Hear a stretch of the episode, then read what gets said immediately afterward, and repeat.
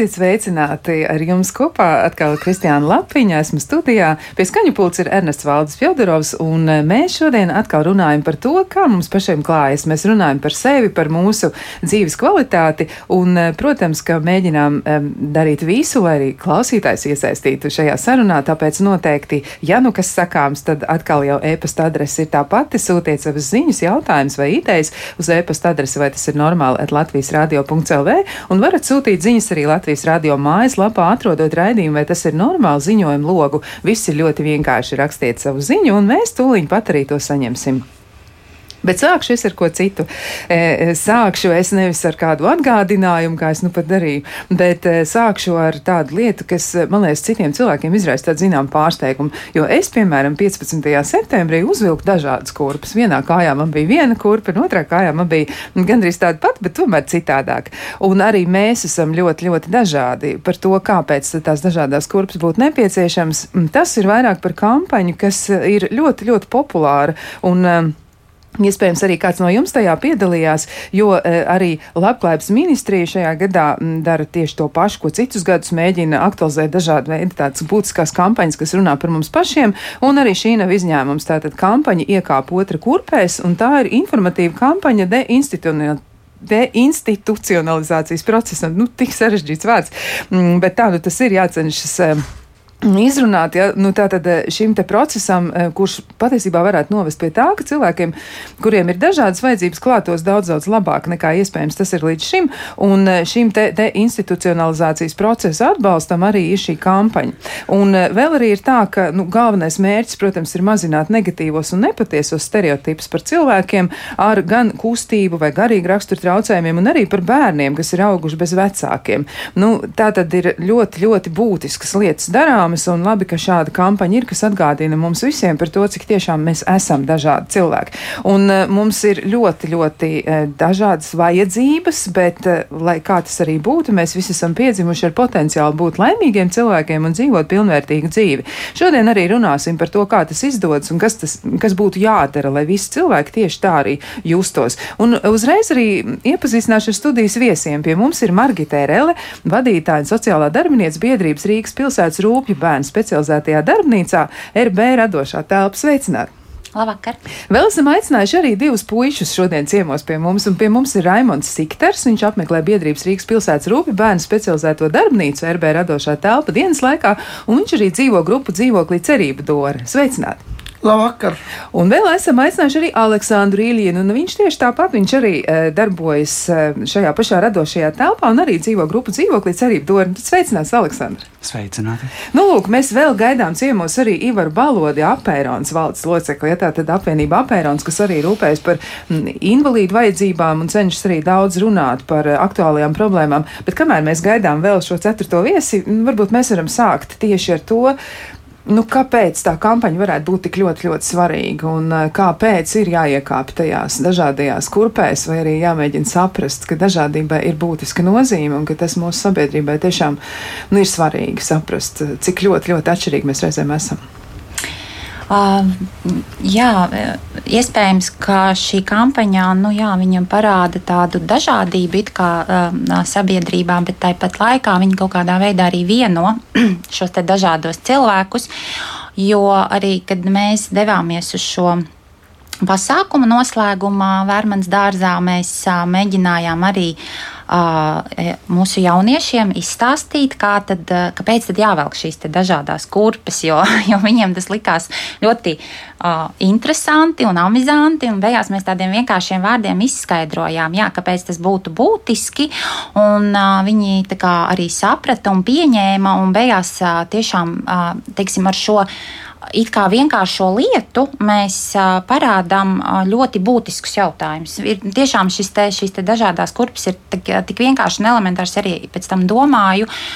Nu, tik vienkārša lieta, kāpēc agrāk par to nu, nav iedomājušies, kāpēc varbūt tādas, tādas lietas netika ātrāk darītas. Jo tas tiešām piesaista ļoti lielu cilvēku sabiedrības nu, uzmanību. Jā, kā, bet tas ir ļoti būtiski, lai mēs parādītu, ka mēs esam dažādi, bet tāpat laikā arī ir tas vienojošais faktors mums. Jā, jūs piefiksējāt, kāda bija cita cilvēka reakcija, jo mani draugi un paziņas, kas eh, šo kampaņu atpazīst un atbalsta, un paši tajā arī piedalās, viņi bija sociālajos tīklos salikuši visādas interesantas bildes un arī tāda cilvēka reakcija apraksta, ka viņi bija ļoti brīnījušies par to, kāpēc ir tās dažādas kurpes. Viņi bija domājuši, nu gan jocīgi.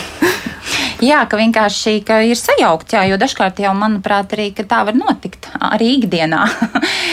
kā, kā, kā mēs sajaucam kādreiz no rīta, nezinu, uzvelkam kaut ko savādāku kājās vai arī interesantāku mugurā, bet patiesībā, jā, tā, tā attieksme bija ļoti tāda pozitīvā, bet tai pašā laikā, nu, tāda pārsteiguma pilna, jā.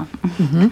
Jā, nu, man vēl gribētos jautāt arī par tiem pieminētajiem stereotipiem, jo ir, nu, tādi tiešām reizēm negatīvi un arī nepatiesi stereotipi par cilvēku cilvēkiem, eh, kuriem ir dažādas vajadzības. Mēs tiešām visi esam ļoti, ļoti atšķirīgi. Tas nu gan. Kā jūs varētu to komentēt, kā jūs to sāredzat, izjūtat un eh, kas ir jūsu viedoklis par šo visu? Mm -hmm. Kaut kādā mērā visticamāk, cilvēkus ar varbūt intelektuālās attīstības traucējumiem vai cilvēks ar psihiskām saslimšanām bieži vien uzskata kā kaut kādu draudu sabiedrībai, ka viņi ir iespējams ļoti dusmīgi, varbūt kaut kādā ziņā agresīvi.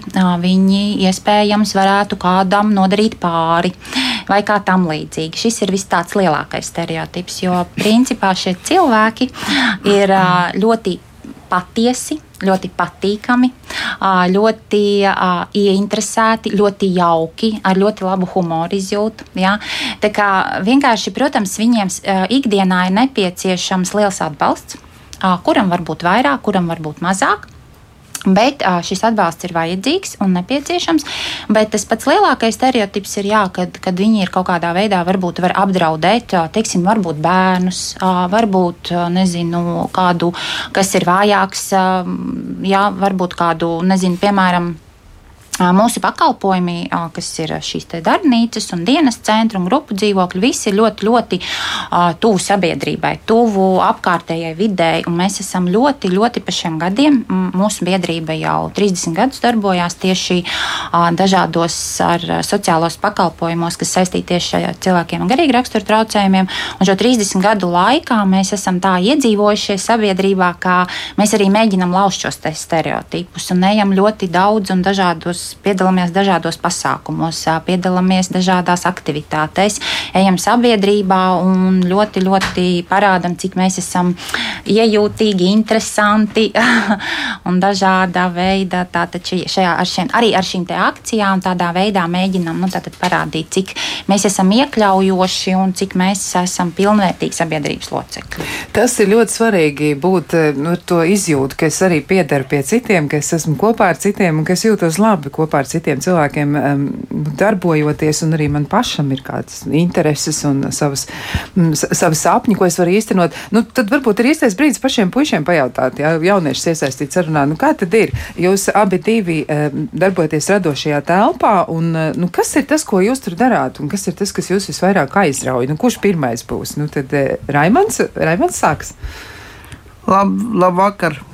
Nu, mēs tur plēšam grāmatas, attīram no vākiem, no diegiem, attīram, sadalām pa lapām, un, un tad vēl mēs tur taisam, pēc tam sasmalcinam un, un vēl taisam paši darbus, un arī vadam nodot māksliniecei.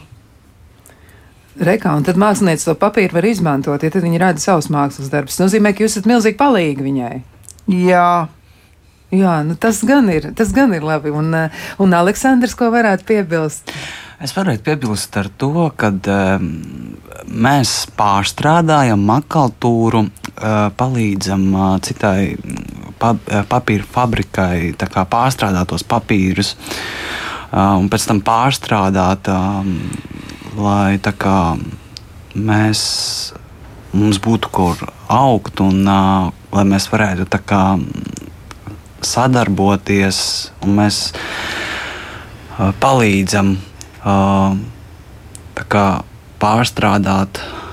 Um, Nu, tāds ekoloģisks, ne, riktīgi, jā, jā tādu, tā kā nevajadzīgu papīru pārstrādājam pa vajadzīgu papīru, jā, vai pa noderīgām lietām. Pieņemsim, kā pats Rēmons minēja, viņš mēs pārstrādājam, smalcinājam, smalcinam, mēs uh, nododam un nododam uh, vienai uzņēmējai, uh, un, ar kur nodarbojās ar to mā, mākslu. Mākslu, jā. mākslu jā.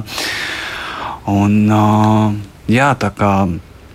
Uh, Nu, it kā tas izklausās vienkārši, bet nav vienkārši. Tur tas process, man liekas, tāds diezgan eh, pat, pat sarežģīts brīžam ir, ka tur ir liela, liela apņēmība vajadzīga un tā, tāda pacietība. Jā, it kā liekas tā no vienas puses, ka oi, tas ir ļoti, ļoti pavisam vienkārši, bet eh, atnākot uh, uz šo darbnīcu, ir kā, nu, jāskatās.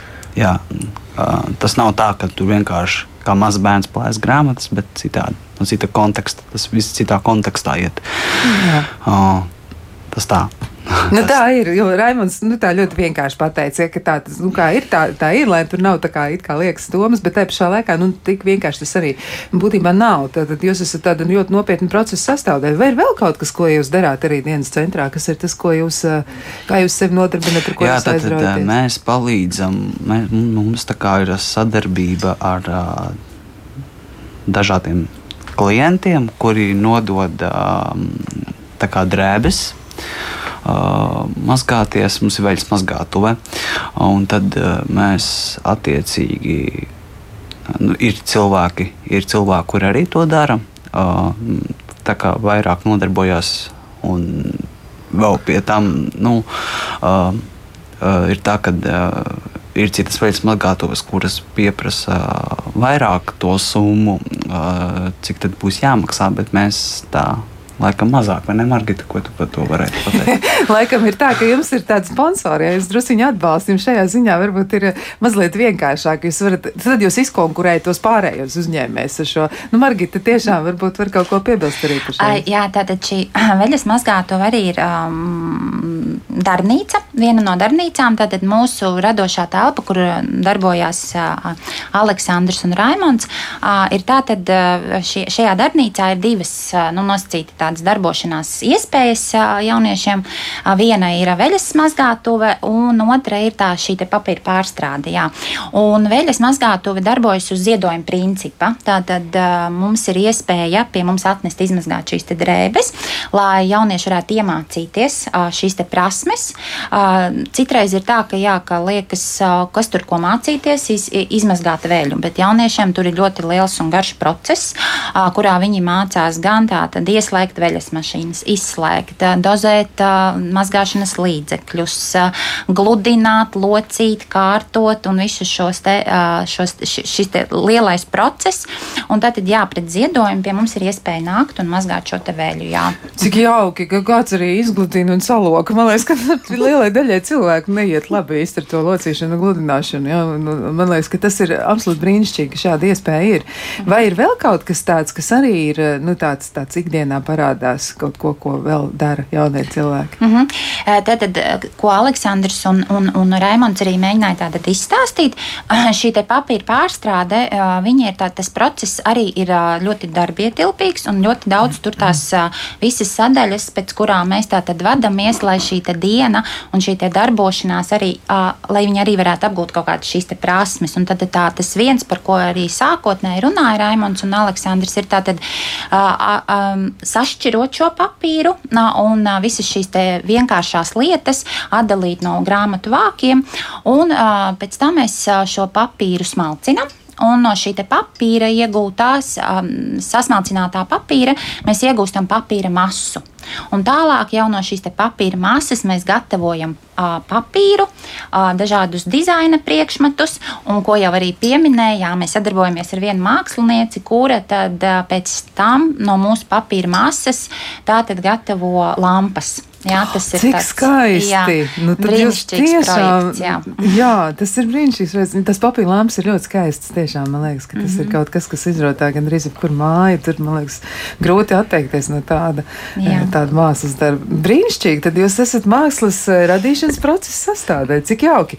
Nu, šai brīdī, jāsaka, arī ir eh, mūsu vēl viens viesis klāt, Ivars Balods. Eh, sveicināti! Esat Labvakar! Cik jauki jūs sastapt. Nu, rekā, mēs arī par tiem cipariem te nedaudz parunājām. Un, un vēl arī par nu, statistiku runājot, statistika liecina, ka tāpat kā visur citur pasaulē, Latvijā pieaug reģistrēto cilvēku ar invaliditāti skaits, un šī gada aprīlī Veselības un darba spēja ekspertīzes ārstu valsts komisija mm, salīdzinājumā ar 2021. gadu, ar 2021. gada augustu reģistrēja par 5880 cilvēku vairāk, ja kuriem ir invaliditāte un pieaugušie tie bija 2021. 193 875 cilvēki, bet 2023. gadā 199 340, un arī bērnu skaits eh, ir audzis, ja no 2021. gada tur bija 8744, un 2023. gadā 9159. Un, eh, nu, tur, tur ir tā, ka no tiem darbspējas vecumā, ja, ja mēs uzskatām, ka tie ir 18, 64 gadi, tad tie ir 55% cilvēku, jeb 113 909 cilvēki. Un šis skaits salīdzinājumā tā kopumā vērtējot ar to nu, divu gadu vēsturi nav saglabājies tāds mainīgs, tiešām nemainīgs drīzāk varētu teikt ir palicis, bet um, Nu, tomēr mums ir par to jādomā. Ja, kā tad eh, Jā. šiem cilvēkiem palīdzēt integrēties un justies labi? Jā, nu, patiesībā sakot, tas eh, cilvēku invaliditātes eh, skaits. Pieaug, un tas droši vien ir saistīts ar vairākām lietām. Droši vien ar to, ka veselības situācija mūsu valstī nav tik ļoti laba, lai, lai, lai saulēcīgi piefiksētu kādas problēmas. Un otrs savukārt ir tas, ka e, mainās arī tā invaliditātes noteikšanas kārtība. Un, ja pasaulē nu, vidēji tā skatās, ka cilvēki ar invaliditāti no kopējā iedzīvotāja skaita ir ap 20% pēc Pasaules veselības organizācijas datiem, tad mēs tā pamazām, pamazām tuvojamies šim skaitam. Un kas ir ļoti jocīgi, ka lai arī Ja mēs tā vēsturiski skatāmies, tad nu, ir bijuši dažādi periodi, kur cilvēki ar invaliditāti dažādāk tika iznīcināti, piemēram, Hitlera laikā vai, vai Staļina laikā. Bet tas cilvēku ar invaliditāti skaisti nemainīgs paliek tajā sabiedrībā. Un liekas, ka tas tiešām ir tāds, tās, tā dažādība, laikam, tādā daba ir iekārtojusi tā, ka cilvēkiem ir jābūt dažādiem, ir jāprot pieņemt daudz ko. Un tāpēc man liekas, ka šī akcija iekāpa otrā kurpēs. Ir, ir ārkārtīgi sirsnīga, cilvēciska un droši vien ļoti piemērota tik vēlai vakara stundai, jo tiešām mēs runājam par tiem cilvēkiem, kuriem, kuriem mēs uh, sabiedrībā ļoti maz ko zinām. Un, ja puiši tiešām tādu nu, godīgu un foršu var izstāstīt tās lietas, tad, ja mēs vidēji pa, pa, paskatītos, ko zina Latvijas iedzīvotāji par cilvēkiem, piemēram, ar intelektuālās attīstības traucējumiem, tad droši vien, ka nu, jā, tie ir te tādi īpaši nenosvērti, vēl kaut ko ļoti daudz dažādu stereotipu, kas valda par, šie, par, par, par invaliditāti vispār kā tādu. Un tad jā, un šī, šī grupa visvairāk, man liekas, cieši gan no tiem stereotipiem, gan arī no tās attieksmes, no tās konkrētās darbības. Da, darbā nepieņem, veido ļoti, ļoti speciālus dārgus pakalpojumus savā laikā lielajās institūcijās ievieto iekšā. Nu, tagad tas sarežģītais vārds mums tā deinstitucionalizācija. Jā, tieši tā, man ir grūti joprojām izrunāt. es esmu piešāvies, man liekas, ka ļoti labi man sanāk reizēm. Bet jā, tagad mēs cenšamies uh, cilvēkus ar invaliditāti, ar tādu smagāku invaliditāti mēģināt šajās grupu dzīvokļos, grupu mājās ievietot. Nu, cik tas veiksmīgi ir droši vien, kad kā kurā pašvaldībā, jo tad ļoti daudz atkarīgs no pašvaldības ir. Jo valsts nodrošina kaut ko vienu, uzceļ, palīdz uzcelt celti, palīdz izremontēt, bet to pakalpojumu, to saturu, to jau jānodrošina pašvaldības sociālajiem darbiniekiem vai pašvaldības dienestiem atbildīgajiem.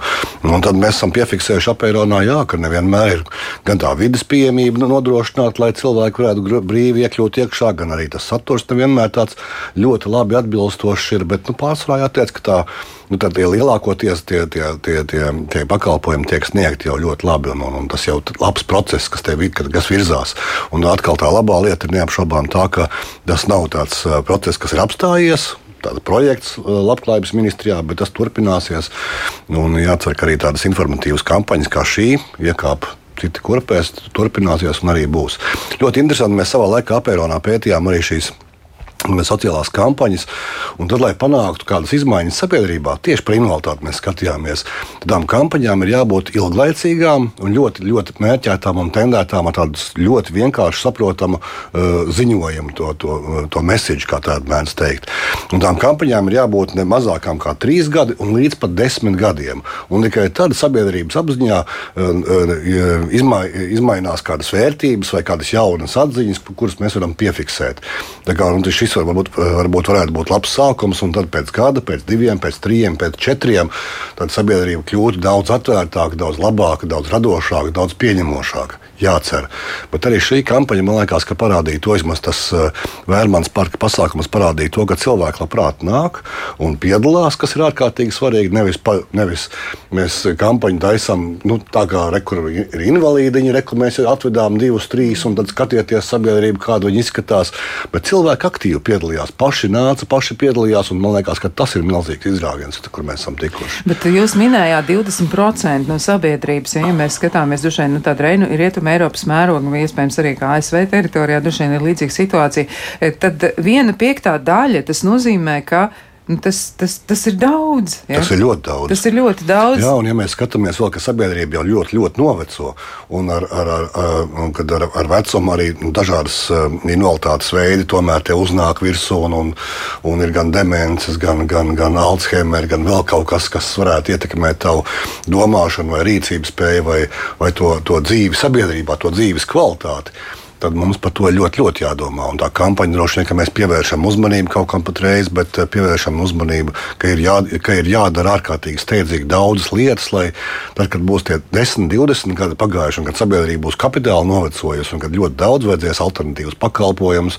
vajadzēs nezinu, daudz vairāk uzmanības pievērst dažādākiem invaliditātes veidiem, lai mēs kā sabiedrība būtu gatavi ne tikai kā sabiedrība, bet arī ar tiem pakalpojumiem gatavi. Par veselību, sociālajiem pakalpojumiem tas ir ārkārtīgi būtiski. Jā, Jā, nu te arī klausītāja jautājums ir, ko sabiedrība neredz, nejūt un nezina. Jā, nu kādas tad ir tās galvenās atziņas? Varbūt, ka jūs abi divi varētu arī, nu, tā kā pateikt, kas ir tas, kas jums e, nāk prātā, ko jūs domājat, kas ir tas, nu, ko jūs pamanāt tā būtiskā lieta uzreiz, nezinu, nu, ja jums jautātu, tad tas būtu pirmais, ko jūs teikt. Nu, droši vien, kad nu, ja jāsaka tā lifta runa trīs minūtēs, jā, jā, jā, ja kaut kas jāpasaka, tad uh, tad jā, cilvēku invaliditāte ir ļoti dažāda, un tie stereotipi mums bieži vien traucē pieņemt kaut kādus lēmumus pieņem, pieņemsim par darbā pieņemšanu. Un, uh, tas, ko puikas stāstīja, kad jā, re, kur mēs uh, veļu mazgājam, mēs uh, papīrus sadalām kaut kādā veidā. Mums puikas, piemēram, apvienība Apērons Covid laikā ļoti aktīvi darbojās un, un, un skenēšanas darbus mēs piedāvājām. Un tiešām Rīgas domas vienam departamentam ieskanējām visu arhīvu, jo savādāk viņi nevarēja attālināt strādāt. Ļoti kvalitatīvi, ļoti labi tas bija. Un arī nopelnījām kaut ko. Man liekas, ka tā ir tā lieta, ko, ja tu iepazīsti un ja tu meklē, ja tu uh, ja tu atver savus acis, eh, atver savus ausis, tu saredzi, sadzirdi, un tu vari eh, daudz ko izmainīt un, un, un arī saņemt pakalpojumu kā tādu. Un ļoti svarīgi man liekas, ka šajā ceļā ir nenonākt līdz tā, ka, lai tev to pakalpojumu pirktu, tāpēc, ka man ir žēl, nu, reku nabaga invalīdiņš nu, uztaisīs kaut ko, un es nopirkšu to mantiņu, bet nē, tas ir normāls, kvalitatīvs pakalpojums, ko es piedāvāju, piemēram, veļas mazgāšana vai, vai mākslas veidošana kaut kāda, eh, vai mākslas procesa sastāvdaļas esmu, un, un tas ir ļoti kvalitatīvs un labs darbs. Un, un, un ar to ar, tas man liekas, ka jāsaprot sabiedrībai. Tā kā ir jātaisa tikai acis vaļā un ausis, un jāsaprot, kur, kādus darbus vienā uzņēmumā šie cilvēki var veikt, un, un viss varētu notikt. Jā, un Margita, ko domā? Mm -hmm. Manuprāt, jā, mēs mazliet nenovērtējam kā sabiedrība šo cilvēku tādu uzcītību un tādu ļoti lielu arī kaut kādā ziņā atbildības sajūtu pret darbu kā tādu. Jo arī puiši viņiem ir vienmēr bijusi liela vēlme strādāt. Un strādāt nevis tikai mūsu darbnīcā, kas arī ir sociālais pakalpojums, bet strādāt ārpusē, ārpus, ārpus šīm sociālajiem pakalpojumiem. Un jā, šie stereotipi par to, ka varbūt tā šie cilvēki nespēs tikt ar kaut ko galā, vai nemācēs, vai nepratīs. Jā, protams, es piekrītu tam, ka šis atbalsts puišiem būtu vajadzīgs, bet tajā pašā laikā, tad, kad viņi tiktu ievadīti un viņiem tiktu norādīti un parādīti šie noteikumi un, un teiksim, visas šīs iekšējās lietas, kas būtu varbūt jāievēro vai kā būtu jādara, viņi būtu ļoti uzcītīgi un ļoti atbildīgi darbinieki. Ļoti un, pacietīgi. Un ļoti pacietīgi. Jā, paldies. Jā, tieši tā. Jo pacietība ir tiešām ļoti neizmērojama. Mums arī darbnīcā ir viens puisis, arī kolēģis Raimondam un Aleksandram, kurš. Um, Četras stundas dienā var smalcināt papīru. Tad ir šī smalcināmā papīra mašīna, kur viņš aiziet tikai uz toleti. Viņš iziet uz pusdienām, aiziet uz kafijas pauzi, bet viņš visu laiku atrodas savā darba vietā. Mums nekad viņš nav jāmeklē, kur viņš ir pazudis vai aizgājis, vai viņam kaut kas ir noticis. Viņš ir ap četras stundas ir pie šīs smalcināmās mašīnas un ar vislielāko atbildību un vislielāko prieku dara šo darbu.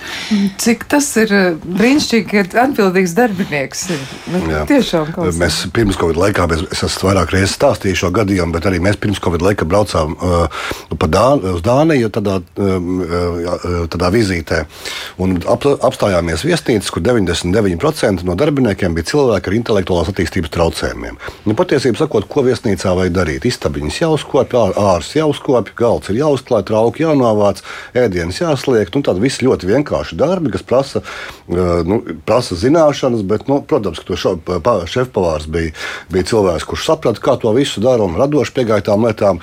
Bet šiem cilvēkiem bija iemācītas ļoti uh, rutinizētas lietas, kuras viņi lab, labi bija apguvuši un vienmēr tā ievēroja. Nu, piemēram, ja vajadzēja nolikt galda piedarums uz galda, un viņiem bija iemācīts, ka tiem ir jābūt viena pirksta attālumā no galda malas. Vienmēr tā bija. Neviens nevarēja iedomāties, ka var izdarīt savādāk kaut kā, jo nu, cilvēkam ar intelektuālās attīstības traucējumiem nav tās, tās radošās izdomas, ka es tagad varētu, varētu izdarīt kaut ko nu, pilnīgi savādāk, vienkāršāk, kas ir iemācīts, tā ir jādara. Vai arī mēs stāvējām, pīpējām, tad tur vienmēr bija iztīrīts pelnu trauki jau nākošajā sekundē, līdz ko viņi bija piesmērēti, vai, vai ja kāds kaut kas bija iemests iekšā miskastēs, vienmēr, vienmēr viss bija uzkopts, tīrs, kārtībā, neviens puteklīts, ne viss, ne viss bija, kā teikt, tiešām jā, augstākās klases viesnīcā. Tā kā, nu, tas atkal raksturo to, ka cilvēki, ka šie cilvēki var visdažādākajās nozarēs strādāt. Viņš var smalcināt papīrus, mākslā, viņš var sadzīves pakalpojumus pakalpojumos visdažādākās lietas darīt. Viņš ir biznesā, nezinu, viesnīcu biznesā, tirdzniecības centros var strādāt un vēl, un vēl, un vēl. Un vēl. Man liekas, ka tik daudz plašas iespējas ir, kuras vienkārši mēs kaut kā palaidām garām. Un, un, un, Un droši vien tā valsts politika, man liekas, ka nevienmēr ir bijusi līdz šim tāda, kas ir, ka, ka virza cilvēkus ar invaliditāti uz nodarbinātību. Nav tas nodarbinātības mērķis. Un liekas, ka tā, tā, tā sociālā aizbildnība vai, vai, vai tā pabalstu sistēma aizvietos kaut ko, un tad būs, viss jau būs kārtībā. Rekur tev uz, uz, uz Latvijas dzimšanas dienu drusku naudu iemet klāt, vai, vai, vai, vai vēl kāda pabalsta ir. Bet patiesībā sakot, cilvēkam ļoti, ļoti svarīgi ir tas, ka viņš var būt kolektīvā, ka viņš var strādāt, viņš var nopelnīt, un to mēs tikai varam saukt par dzīves kvalitāti. Nevis, ka tev ir e, nomaksāta dzīvoklis, un tu sēdi savā dzīvoklī un neredz nevienu cilvēku apkārt. Tā gan ir. Nu, te arī klausītāji piezīme ir par to, kāda ir darba devēja attieksme un interese integrēt cilvēkus dažādās dzīves jomās un arī profesionālajās jomās. Un jūs daļai atbildējāt uz to, ka ir labi piemēri, kur tiešām Jā. tas tiek darīts, bet kā kopumā jums izskatās tā perspektīva?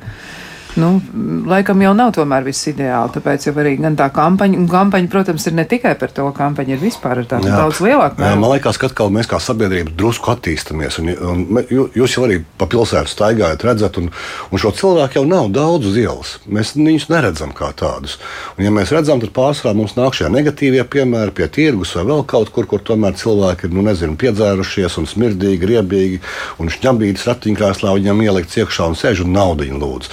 Un tie tie stereotipi, kas mums, kā teikt, nu, dod, dod ziņas par to, ka nu, šis, šie cilvēki tādi īsti, īsti labi nav. Un mums nav ļoti daudz labu informatīvu kampaņu. Jo tās kampaņas, kuras, mēs, eh, kuras Latvijā ļoti labi ir aizgājušas, un tādas ir noteikti ka vajadzīgas, ir tās, ka, cilvē, ka bērniņiem ar invaliditāti nav, nav par ko nopirkt kaut kādas palīdzekļus, vai veselības problēmas, vai ārstniecības lietas, ir, vai jāvāc naudu vēl kaut kādu problēmu risināšanai.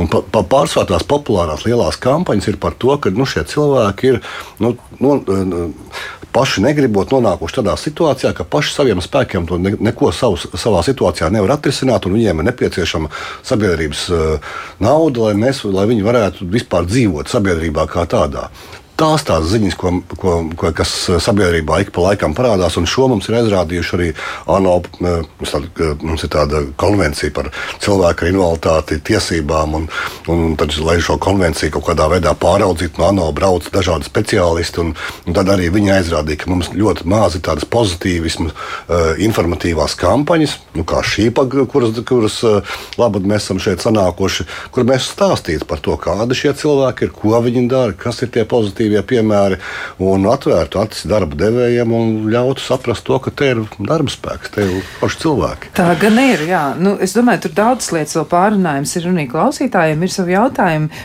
To mēs visu noteikti arī mēģināsim izanalizēt, bet to mēs darīsim pēc tāda ļoti īsa brīža.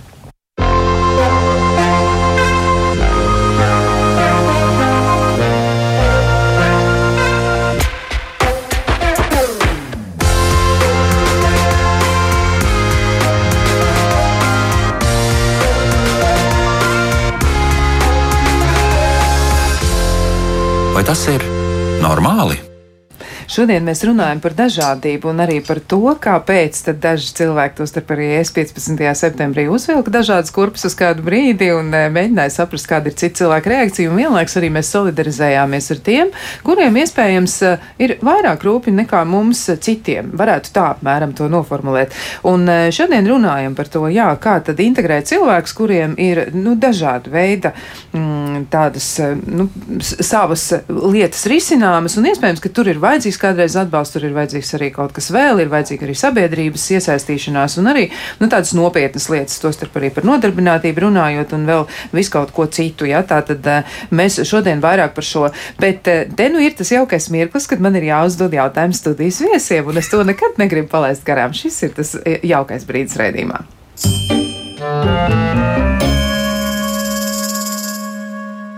Nu, tā kā man ir četri viesi šodien, ja, tad eh, es tā nevaru tā ļoti, ļoti izplūst. Tāpēc es uzdošu vienu vienīgu jautājumu, ko ir uzdevis eh, ļoti, ļoti jauns cilvēks, jāatzīst, 12 gadīgs eh, jautātājs. Un jautājums ir tāds, vai tas ir normāli, ka man ir ļoti grūti izvēlēties. Vienu dienu es gribu spēlēt futbolu, nākamajā dienā es gribu regbiju, un tad es gribu vēl kaut ko citu, un tad basketbolu. Vai tas ir normāli? Es domāju, ka tas ir ārkārtīgi normāli un vajag izmēģināt dzīvē ļoti daudz lietas, lai saprastu, kas tev īsti patīk. Un, un, un, un, un, uh, tas nāk ar laiku, tikai mēs nevaram tā uzreiz saprast, noskatīties vienu futbola spēli ar slaveno Messi. Es gribu kā Messi tādu spēlēt. Un, un, un, un saprast, ka tas varbūt ka nav tavs. Tiešām tev patīk nāvus, varbūt tās, vai tev patīk, nezinu, kalnos kāpt, vai tev patīk pilnīgi citas radošas lietas, kuras tu varētu darīt. Mēģini pēc iespējas vairāk, dari un nekad neapstājies, tik varam novēlēt. Nu, rekā, dari un neapstājies, tas būs novēlējums tam mūsu klausītājiem. Šeit Margita pievienojās, ne? Jā, protams. Jā, pilnīgi normāli jādara, gribēt dažādas. Jādara viss, jāizmēģina viss, viss, ko dzīve piedāvā, un tad pēc tam tās izvēles jau vēlāk nāks, un tad vajadzēs izvēlēties. Bet nu, tādam jauna, jaunam cilvēkam noteikti jāizmēģina viss. Jā, nu, bet savukārt puišiem es gribētu pajautāt arī vēl vienu tādu lietu, kas jums pašiem patīk visvairāk, jo jums noteikti arī ir kaut kas tāds, kas jūs aizrauja. Kas jums patīk? Tātad man e, patīk, tad es pamatā kā redzes invalīds, es nodarbojos ar Spotify playlist taisīšanu, ar dažādu žanru mūziku taisīšanu. Man ļoti, ļoti interesē mediju vide, kvalitatīvs saturs, un man tas ir ļoti, ļoti svarīgi, kā tiek taisīts, pieņemsim, raidījums, kā veidots tiek tas raidījums. Aizkulises ļoti patīk, ļoti, un pat ir reizēm es apskatos dažus video, kā tiek taisīts, pieņemsim, ir, pieņemsim, skat, arī izmantoja, kā jaunieši izmanto platformu TikTok, jā, es redzu, kā, kā tas viss notiek no Amerikas puses. Jo kā Amerikā taisa viens diktors savas ziņas, viņš ceļās piecos no rīta augšā, četros no rīta augšā, kā jau ziņu moderators. Viņš, viņš tāds ļoti, ļoti aktīvs, tāds plat, mediju platforma satura veidotājs, tāds ļoti aktīvs. Um, jā, es gribētu ar to pateikt, ka uh, man tas ļoti, ļoti aizrauja, jo man tas ļoti, ļoti tā kā, uh, tā kā ieintriģē. Man jā. tas ir tas, kas patīk. Jā, tiešām. Jā, jā, mēs mazliet, kā saka, aizkulisēs arī parunājām. Jā, un Aleksandrs arī pieminēja to tiešām, ka viņam ļoti patīk. Viņš arī, starp citu, ir ļoti aktīvs eh, radio klausītājs. Viņš zināja ļoti daudz ko stāstīt par šo visu. Man tas tiešām ļoti uzrunāja. Un, eh, nu, kas, ir, kas ir otram eh, jaunietim Raimondam? Kas ir tas, kas patīk pašam, ko patīk darīt? Nu, man patīk, brīvajā brīdī man patīk spēlēt bloku flautu. Oh. Pats komponēju mūziku. Cik tas ir jau? Un mācos spēlēt arī pēc notīm. Blokflauta tas nav viegli. Tas tomēr tāds izaicinājums ir. Vispār flautas spēlēšana. Grūti. Jā. jā. Raimond, man liekas, ka tev patīk arī gatavot ēst. Un arī es gatavot patīk. Oh, tas ir gan Un tiešām arī lieliski. pats taisa savas receptes. Reikā, un varbūt ir kaut kas tāds, kas pašam nu, visvairāk no tā visa iet pie sirds, kaut kāda pikantāka ēdiena, jeb kaut kas Nē, kas ir man tāda, man garšo tāda saldāka Salda. ēdiena. Ā, nu kārumnieks, nu skaidrs, gardēji. Nē, vispār no, no saknēm un, un no piena produktu, produktiem es taisu. Ja, nu, rekā, ļoti, ļoti vērtīgas lietas tiešām mēs uzzinām. Nu, tā tad eh, ļoti aizraujoša dzīve savā ziņā. Bet, nu, vēl klausītāji arī mm, atgriežas ja, pie tā, ko var darīt dažādas gan apvienības, gan sabiedriskās organizācijas. Nu, piemēram, ko tad apērons var darīt, lai mainītu situāciju darba tirgū? Nu, tāds ļoti konkrēts jautājums. Jā, nu mēs mēģinām, mēs kā nevalstiska organizācija, protams, kad mēģinām savu iespēju robežās ļoti daudz ko darīt, un mēs esam mē, mēģinājuši Latvijas darba devēju konfederāciju daudz runāt, un, un, un, un uh, mums ir tāds pakalpojums, kad uh, darbā iekārtošanās pakalpojums cilvēkiem invaliditāti. Mēs uzrunājam lielos darba devējus par to, ka nu, jābūt arī sociāli atbildīgiem, jo nav jau noslēpums, ka uh, pasaulē lielajām kompānijām ir tāds nosacījums, ka teiksim, 3 vai 5% no lielās kompānijas darbiniekiem ir cilvēki ar invaliditāti. Tās nav tās kvotu sistēmas, kas ir kā valstiski noteikts, bet tā ir tā sociālās atbildības iezīme. Un, un, un š- un šādā veidā man liekas, ka lielās kompānijas ļoti labi parāda to, kādā veidā darboties var. Un, jā, nu mēs mēģinām arī šo, šo sociālo atbildību iedzīvināt ar tādiem labiem, pozitīviem piemēriem, ko cilvēki var darīt un, un piedāvāt šos cilvēkus. Bet atkal ļoti svarīgi ir tas, un, un arī mēs esam daudz runājuši arī ar šīm kompānijām. Un, un, mēs esam beigās jau nonākuši pie viena secinājuma, ka mēs darba devējiem sakām, nepieņemiet darbā, cil, nepieņemiet darbā invalīdus. Un viņi tā uzreiz tā noskurinās, nu kā tas ir nepieņemot, jo jūs pa- pavisam par kaut ko citu cīnāties. Jo nevienam darba devējam cilvēks ar invaliditāti kā tāds, ar tādu kvalifikāciju, ka tev ir invaliditāte, nu, patiesībā sakot, nav vajadzīgs. Viņam ir vajadzīga darba ņēmēji. Tad ar kaut kādu cilvēku, ar kaut kādu noteiktu, noteiktām prasmēm, iemaņām. Un, un tad, eh, jā, nu tad, tad arī, ja viņam, šim cilvēkam ir šī invaliditāte, tad tas ir ļoti forši un labi. Un tas, ko mēs kā nevalstiska organizācija darām, un droši vien, ko arī kolēģi Margita dara, ir tas, ka mēs tajās nevalstiskajās organizācijās mācām šīs prasmes. Birojā darboties, kolektīvā sadzīvot, eh, no rīta celties, dienas kārtība, kas ir jāievēro, dažādus darbus, eh, kurus mēs piedāvājam, pa sevi parūpēties. Un tās tās lietas, ko pie nevalstiskām organizācijām var iemācīties. Un man liekas, ka tas ir tas milzīgākais, ko mēs darām. Un tad, eh, protams, ir tādas valsts atbalsta programmas, kur var iemācīties kaut kādas noteiktas jau mācību kursus, iziet eh, cauri un kaut kādas lietas darīt. Bet vislabākā, vislabākās prasmes var apgūt jau pie paša darba devēja. Jo skolā ir savādāks galds, savādāki instrumenti, savādāka atmosfēra. Tur nonāc pie darba devēja, viss ir pilnīgi cits. Tu uzreiz nesaproti, kas tur vispār jādara. Ir. Un tas, ko mēs arī tad pie darba devēja, tā ir labākā mācība. Un tas, par ko mēs ļoti, ļoti iestājāmies un ļoti daudz runājam arī Labklājības ministrijā, darba devēja konfederācijā, nodarbinātības valsts aģentūra, ir tas, ka pasaulē ir tāda ļoti labi atzīta uh, sistēma, ir tā atbalstītā darba sistēma. Tātad atbalstītais darbs ir tas, ka ir viens tāds uzraugs, kas uzrauga 5, 7, 10 cilvēkus, kā kurā gadījumā, un uh, tev regulāri skatās, kā viņš uz darbu aiziet, tas cilvēks, kā viņš strādā, vai viņam funkcijas nemainās, pienākumi nav mainījušies, darbinieki nav mainījušies, kolēģi pārējie. Jo līdz kaut kas pamainās, tev, tev uzreiz jāsniedz tas atbalsts, lai tu varētu viņam, tam cilvēkam saprast, nu, kas tur īsti notiek. Pilnīgi citi kolēģi, nāk cits kolektīvs vai vēl kaut kas, vai, piemēram, ja kādā, nu, nezinu, dārzeņu pārstrādes uzņēmumā ir jāšķiro kartupeļi, tad pēkšņi burkāni parādās pilnīgi cita situācija. Tas taču nav saprotams nekas. Un atkal tev ir jāizstāsta vienreiz, divreiz, desmit reizes, simts reizes, tūkstoš reizes, un jāiemācās tā viena darbība, un tad tas cilvēks to darbību ie- iemācīsies. Un tā ir tā, tā, tā atbalstītā darba sistēma, tā darba audzinātāja, tā ir tie pienākumi.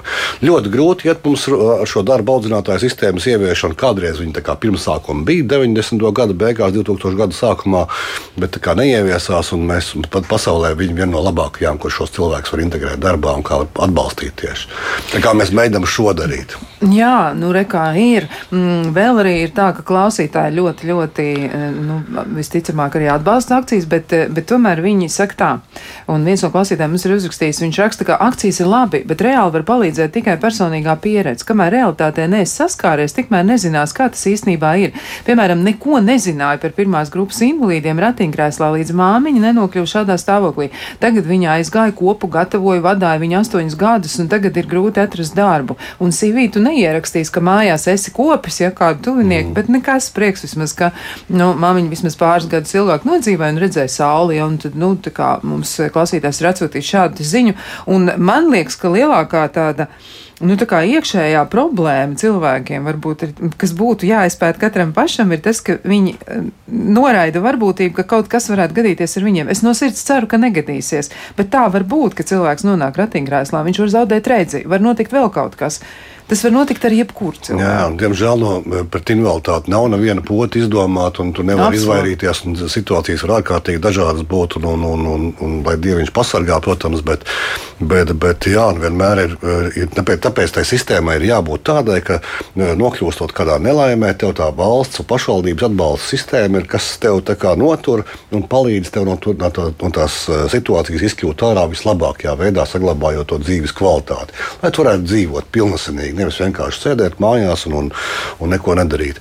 Un redz, da, man liekas, ka arī šī kampaņa, nu, ļoti, man vispār viena no eh, nedaudzajām kampaņām, kas patīk arī, eh, kas pēdējā laikā ir bijušas, nu, ka šī kampaņa ir vērsta uz sabiedrības nu, nosacīt to daļu, kur nav cilvēki ar invaliditāti. Nu, Pamēģiniet iekāpt tajās otrās kurpēs un saprast, nu, kā tas ir būt ratiņkrēslā. Nu, Atnāc uz apēnu vai uz rūpju bērnu vai uz vēl kādu nevalstisku organizāciju, kā brīvprātīgais, pamēģini kaut ko padarīt, paskaties.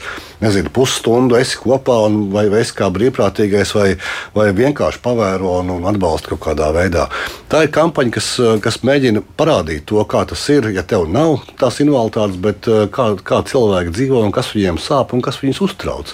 Un tā man liekas, ka ir tā svarīgākā lieta. Jā, man liekas, viens no ļoti populāriem vingrinājumiem, ko daudzreiz izmanto arī tādās nu, uz eh, psihoemocionālo līdzsvaru um, meklējošiem cilvēkiem orientētās grupās vai kā citādi. Ja, tur ir tā, ka nu, aizsien, piemēram, kādam cilvēkam acis, ja, un tad viņi tur trenē spēju uzticēties. Bet man liekas, ka tas, kas vēl būtu jāsaprot šī vingrinājuma gaitā, ir tas, cik ļoti bezpalīdzīgs es varu tajā brīdī būt un cik ļoti daudz man lietas kļūst nepieejams. Man viss ir jāmācās no jauna. Jā, bet atkal vajag drusku pamainīt tos uzstādījumus. Nevis cik tu bezpalīdzīgs esi, bet cik daudz bet tu cik vari daudz tu vari izdarīt, bet tas jau jā, nāk pēc kāda brīža. Jā, tas man liekas, ka tas svarīgākais jā. nevis ā, mazie nabadzīgi pasties, viņš ir neredz, viņš ir paiet un nevar, viņš ir nesaprot neko un cik viņam grūti, reku tev desmit eiro un viss ir kārtībā un sirdsapziņa man ir tīra bet iekāpt tajās otrā kurpēs un saprot, ka viņš var strādāt un viņam ir jāstrādā. Viņš var būt ārkārtīgi labs darbinieks. Viņš var būt pastāvīgs un viņš var arī daudz ko paveikt. Aleksandram, lai es gribēju kaut ko pateikt. Uh, jā, tad, tad es gribēju pateikt kādu lietu. Uh, Tad, tad ļoti īstenībā ir ļoti, ļoti grūti vispār um, tam otram cilvēkam, kurš nu, nu, ir normāls cilvēks, kuram nav tā invaliditāte, ja, viņam ir ļoti grūti. Nu, viņam ir tādā vienā ziņā, no, vienā ziņā ir tāda, nu, à, viņš tā kā neko neredz. Viņš tā kā ir invalīds. Viņš taču vispār neko nemāķi darīt. Ir tāds cilvēkiem stereotips, un viņi nu, kā, mēģina tā kā, uh, tā kā atšūt, tā kā, nu, kā lai mēs to pareizi pasakām. Sakiet, kā ir. Jā, jā nu. atšūt. Un, es, es to ļoti arī esmu pieredzējis ļoti, ļoti daudz, pat pats ejot uz, uz uh, ielas, ļoti maz cilvēki palīdz, kā man redzes invalīdam, nu, man vairedzība ir, jā, un neredzība un vairedzība ļoti atšķirās. Tas gan tiesa, jā. Jā, uh, cik, uh, cik man ir uh, pat tāds gadījums bijis, tas, ka man pat vienreiz pat nācās izsaukt izsaukt policiju, pilnīgi, kad um, ļoti cilvēki, tā sabiedrība ļoti bija ļoti maz, kad uh, reāli cilvēki paskatījās man, uz maniem kā reāli, kā uz uh, ciplanētieti, jā, apmēram, jā. Uh, un, uh, man, es atceros, ka man vienreiz viena sieviete pieiet pie manis, jā, un viņa saka, uh, tu lieto narkotikas. Uh, es, es viņam pat nepaskaidroju, un nepateicu, ka es slikti redzu. Jā, nu, tādā ziņā. Cik tas ir, cik tas ir nelāgi, ka cilvēki kaut ko tam līdzīgu vispār spēj izdarīt, jā, attiecībā uz kādu citu. E, Tas Jā, bet ir, tas- bet tas ir man- labi, ka jūs to izstāstījāt, jo tas ir jādzird citiem cilvēkiem, un viņiem ir, nu, tiešām jāspēj par to apdomāties, manuprāt. Man liekas, ka mēs nu, vispār sabiedrībā ļoti, ļoti eh, nu, mēģinām augt un mē, nu, mēģinām attīstīties. Un droši vien tie 70 gadi, eh, kas ir nodzīvoti eh, Padomju Savienībā, ļoti daudz ko ietekmējuši. Ja tu aizbrauc uz jebkuru Eiropas Savienības valsti, un tu redzi, kā, cik, liep, cik milzīga tolerance ir pret eh, dažādo. Un tur ir cilvēki ar invaliditāti, visdažādākā veida invaliditāti, iet apkārt, un viss tev uzsmaida un, un, un, un pasveicina, un tu piedalies vis kaut kur, un tu nejūties savādāks, un tu ej, nezinu, uz muzejiem, tu strādā pa dienu, tu vakarā aizej uz kafejnīcu, iedzert kādu alu vai vēl kaut ko. Un tas ir tik normāli, un tas ir tik vienkārši. Nepa, vienkārši to, to cilvēcību paturēt nedaudz tādā augstākā vērtībā un nenovērsties, um, paskatīties. Un, un tas, tas ir ļoti vienkārši patiesībā sakot. Jā, nu, Mēs ja esam mē... pazaudējuši kaut kur to. Tieši tā, es, es noteikti varētu arī jums piekrist. Kā jums liekas, nu kāda varētu būt nākotnes perspektīva? Jo, pieņemsim, grupu dzīvokļi, man šķiet, ir lieliska iniciatīva un lieliska lieta, kur cilvēki var justies pastāvīgi, viņi var justies pašpietiekami un, un dzīvot savu dzīvi un darīt savas lietas un nodoties saviem hobijiem. Nu, kā Raimons, piemēram, uzspēlēt blokflautu ja, vai, vai, vai taisīt kaut kādu Spotify mūzikas, eh, mūzikas sakārtojumus un, un, un tādā veidā piedzīvot ļoti jauki e, savus, savus ikdienas gaitas. Kas vēl, jūsuprāt, ir tas, ko varētu darīt, ko varētu mainīt, un kas varbūt tieši Latvijas situācija arī būtu ļoti, ļoti nepieciešama? Nu, man liekas, ka no tāda politikas viedokļa, un tad jāsaka uzreiz, ka die, tāda ieteikuma valdības deklarācija Jā, vai rīcības tā, mēs plānam. tāpēc arī šodien te Jā, man runājam, liekas, ka viens no tiem jautājumiem, kas eh, ir, ir pacelts ik pa laikam, bet nekad nav līdz galam risināts, ir par tiem cilvēkiem, tiem mūžīgiem bērniem, kuriem nu, tad īsti nezina, ko darīt, jo uz grupu dzīvokļiem viņi neies. Eh, Tad, tad mammas viņus vai vecāki kopā viņi, viņus audzina, un viņam jau 50 gadi gandrīz vai ir, bet viņš ir mūžīgais bērns, un ko ar tiem darīt, tad vienmēr sakot, tur ir jāizdomā kaut kāda pakalpojumi, kas varētu būt tādi atbalstoši, lai, lai vecākiem varbūt kad, kad ļautu kaut vai brīdi pavadīt vieniem, un, un, un, un lai nebūtu tik ārkārtīgi liela tā sociālā spriedze tajā ģimenē kā tādā. Bet jā, droši vien, ka tie sociālai pakalpojumi tie ir vajadzīgi. Tā ir viena lieta, pēc iespējas vairāk, gan tādas um, tāda atbalsta pakalpojumi, asistenta pakalpojumi, personiska asistenta pakalpojumi, ne tikai pavadoņa pakalpojums, kas pie mums patreiz ir ieviests. Tie ir droši vien ka dažādāka veida uh, nodarbinātības iespējas, lai tu tiešām varētu strādāt kaut kur. Ja nodarbinātībā, tad, protams, kad ir jāsāk ar skolu, jo ļoti daudziem bērniem ir vienkārši jāsāk skolā mācīties, un varbūt skolā to dažādību un to ieraudzīt un kopā mācoties ar kādu bērniņu, kuram ir invaliditāte, tad, tad tev vairāk ne, nerodās tāda mulsinoša sajūta, ka re, kaut kāds drusku savādāks, tad kas viņš ir. Viņš ir cilvēks ar speciālām vajadzībām vai cilvēks ar īpašām vajadzībām, vai viņš ir cilvēks ar invaliditāti vai vienkārši invalīds, vai persona ar funkcionāliem traucējumiem, vai vēl nezinu, kādus um, vārdus mēs lietojam, lai apzīmētu šo sociālo grupu kā tādu. Jo mēs jau arī sabiedrībā mulstam, nu, kā tad viņus nosaukt beig beigās, kā ir pareizi, kā ir politkorekti, kā tagad saka. Un droši vien tas tās tās lietas, skola, ģimene, atbalsts, atbalsts būtu nepieciešams, tie nodarbinātības pakalpojumi. Un tiem mērķiem, man liekas, ka tajā politikā vajadzētu būt tādiem, ka tiešām mēs uz nodarbinātību virzām. Tie, kuri var strādāt, tiem ir jāstrādā, un tie, kuri nevar strādāt, izvērtējam, saprotam un piedāvājam viņiem atbilstošu individualizētu pakalpojumu. Un to cilvēku, kuriem tie individualizētie pakalpojumi vajadzīgi, viņi nemaz tik daudz nav. Un tad, ja mēs, viņiem, mēs viņus atbalstītu un, un piedāvātu to, to, to pakalpojumu tādu, kas viņiem būtu viņa situācijā visvairāk vajadzīgs, man liekas, ka tad būtu laimīgi cilvēki, vēl daudz vairāk apkārt mums. Jā, un ko vēl? Jūs minējāt arī par tām informatīvajām kampaņām, kuras ir dažreiz labas, dažreiz netik labas, bet kurām vajadzētu būt ar tādu ilgāku norisi. Ja, tas būtu noteikti tas, kas būtu mm, jādara. Nu, ja jums būtu iespēja piedāvāt informatīvo kampaņu, ko vēl jūs ierosināt?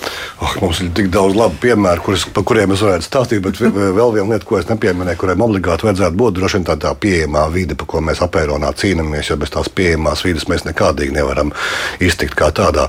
Jā, bet uh, mums ir nu, ārkārtīgi labs piemērs, kur, piemēram, uh, mums ir tāds raidījums pārēja, kur mums, piemēram, cilvēks uh, ratiņkrāslā arī nu, tāds Valdemārs, kurš, piemēram, uzdod jautājumus valsts uh, amatpersonām, ministriem un ļoti izmantojot šo vienkāršo saprotamā valodu. Tad vienkārši jautājums, vienkārši atbild un cik grūti un sarežģīti reizēm tiem ministriem iet atbildēt uz tādiem, uz tādiem vienkāršiem jautājumiem, kas tā labklājība beig, beigās ir vai, vai kur, kur, kur mēs ar izglītību esam notik, nokļuvuši vai kāda nodarbinātības pakalpojumi ir. Ja mums reizēm tas stāsta, ka mums labklājība ir uh, finanšu instrumenta kopums, kas tur atbalsta kaut ko tur vēl kaut kur vai ne. Tad pasaulē tā labklājības definīcija arī tāda ļoti vienkārša. Tas, kas cilvēkam vajadzīgs, tev jābūt priecīgam, laimīgam, apmierinātam. Trīs lietas, kas tev ir vajadzīgas. Trīs lietas. Jā, jā tā kā tas man liekas, ka ir svarīgi atkal, lai cilvēki paši aktīvi piedalītos, lai, uh, lai, lai mēs ļautu viņiem piedalīties. Tā kā puikas šodienas rādījumā, man liekas, ka brīnišķīgi drusku samulsuši, uztraukušies pirmo reizi studijā. Bet, Nu, bet viņi nav gluži pirmo reizi, starp citu. Nē, Ah, ok. nē, nē, nē, Jā, labi, jau labi. ir bijuši. Tad ir, Man tad ir jā, forši. Jā. man Tad ir forši un pēc iespējas vairāk iesaistīt cilvēkus. Man liekas, ka kādreiz lielās modes nāmi, kad popularizēja savus jaunās kaut kādas uh, um, drēbju, Kolekcijas, drēbju kolekcijas, tad, uh, tad man liekas, ka vai nu Gucci vai vēl kaut vai Gucci bija kaut kas, vai ne. Man sakot, vienot vai Dolce Gabbana, viena no tiem bija tie, kas uh, iesaistīja, piemēram, cilvēkus ar, ar, ar, Dauna sindromu. Jā, jā. Un pēkšņi parādās kaut kur, un sākumā viss tā tāda drusku samulsuši pasaulē bija, beigās normāli, viss kārtībā. Un tad tā kaut kur bija, man liekas, ka tāds, tāds, uh, tā, tā, tāda arī kampaņa, kur arī šie cilvēki piedalās, un pamazām, pamazām viņi ieslīd visās mūsu dzīves sfērās, un tad mēs saprotam, ka tas ir normāli. Bez tādas uzspiešanas, bez tādām valsts pamatnostādnēm, kur katrs, katram cilvēkam ir jābūt un jāsmaida vienam otram un tā, bet, eh, bet ar, to, ar to darbību, ar to skola, veselība. Ja tev būs laba, tad tu mācīsies skolā, tu strādāsi, un tad tās attiecības jau būs labas. Protams, tās kampaņas arī būtu vajadzīgas, tādas ilglaicīgas un labas, lai mēs stāstītu, ko tas nozīmē. Tas jau mēs arī salīdzinoši nesen esam tikušies ar vienu politiķu, kurš teica, bet, nu, kā, nu, ko, ko jūs saprotat ar iekļaujošo izglītību? Un tas, ka tādi šie bērni, kuri, kuri garīgi neveseli, viņš man blakus manam bērnam sēdēs eh, klasē, bet viņam tā kā var ienākt, vēlams viņa zina, kas galvā. Viņš paņēma tādu lineālu manam bērnam sitīs, un viņam par to nekas nebūs. Un atkal tas stereotips balstās uz, uz to nezināšanu. Viņš jau nesaprot, ko tas nozīmē, un viņš jau nav vainīgs pēc tā. Mums ir jāstāsta sabiedrībai un jāizglīto, eh, ka šie cilvēki nav bīstami, ka viņi ir ļoti normāli un viņi var darboties jebkurā dzīves sfērā. Tieši tā, nu var savā ziņā teikt, ka mēs tādu apli esam apgājuši, jo mēs ar to arī sākām. Un Margita bija tā, kas teica, ka nav, nav šie stereotipi patiesi, un viņi ir jāmēģina mm, iznīcināt, cik nu vien var mazināt, un no tiem ir jāatsakās. Un arī mm, tiešām es domāju, ka mēs visi kopā to spēsim izdarīt. Šai mirklī man jāsaka paldies ir visiem raidījumu viesiem. Mūsu stunda ir nu, nemanot aizgājusi tik ļoti ātri. Tas, ir, tas laiks ir ļoti, ļoti ātri pagājis. Un teikšu paldies gan Ivaram Balodim, apvienības apērons valdes loceklim, gan Margitai Erelē, kur ir vadītāja sociālā un sociālā darbinieca biedrības Rīgas pilsētas rūpju bērnu specializētajā darbnīcā RB radošā telpa, arī Raimondam Sikteram, kurš ir eh, šīs te Rīgas pilsētas rūpju bērna darbnīcas eh, radošā telpa dienas, eh, nu tā, dienas darbnīcas apmeklētājs, un viņš arī dzīvo grupu dzīvoklī Cerība Dora, un arī, var teikt, viņu kolēģis Aleksandrs Iļiens, viņi abi divi bija studijā, jaunieši, jo viņiem tiešām milzīgs paldies, ka jūs atradāt laiku, jo nav tik vienkārši svētdienas vakarā, nu tā, izbrīvēt kādu mirkli un atnākt eh, un, un būt kopā ar, ar, ar citiem un izrunāties par tādām būtiskām lietām. Paldies teikšu arī e, savam kolēģim Ernestam Valdim Fjodorovam par e, rūpēm par skaņu, un no savas puses atgādinu, ka varat skatīties arī arhīvā, meklēt kādus citus raidījumus ar iepriekšējiem m, aktualizētiem tematiem, ja nu kas ienāk prātā, varbūt arī kāda jauna ideja rodas, tad sūtiet arī to mums uz mūsu e-pasta adresi, vai tas ir normāli Latvijas radio.lv, un mēs labprāt jūs uzklausīsim. Paldies visiem, ka klausījāties, ka bijāt kopā ar mums, un mēs ar jums atkal tiksimies kādu citu reizi, un lai jums tiešām viss izdodas!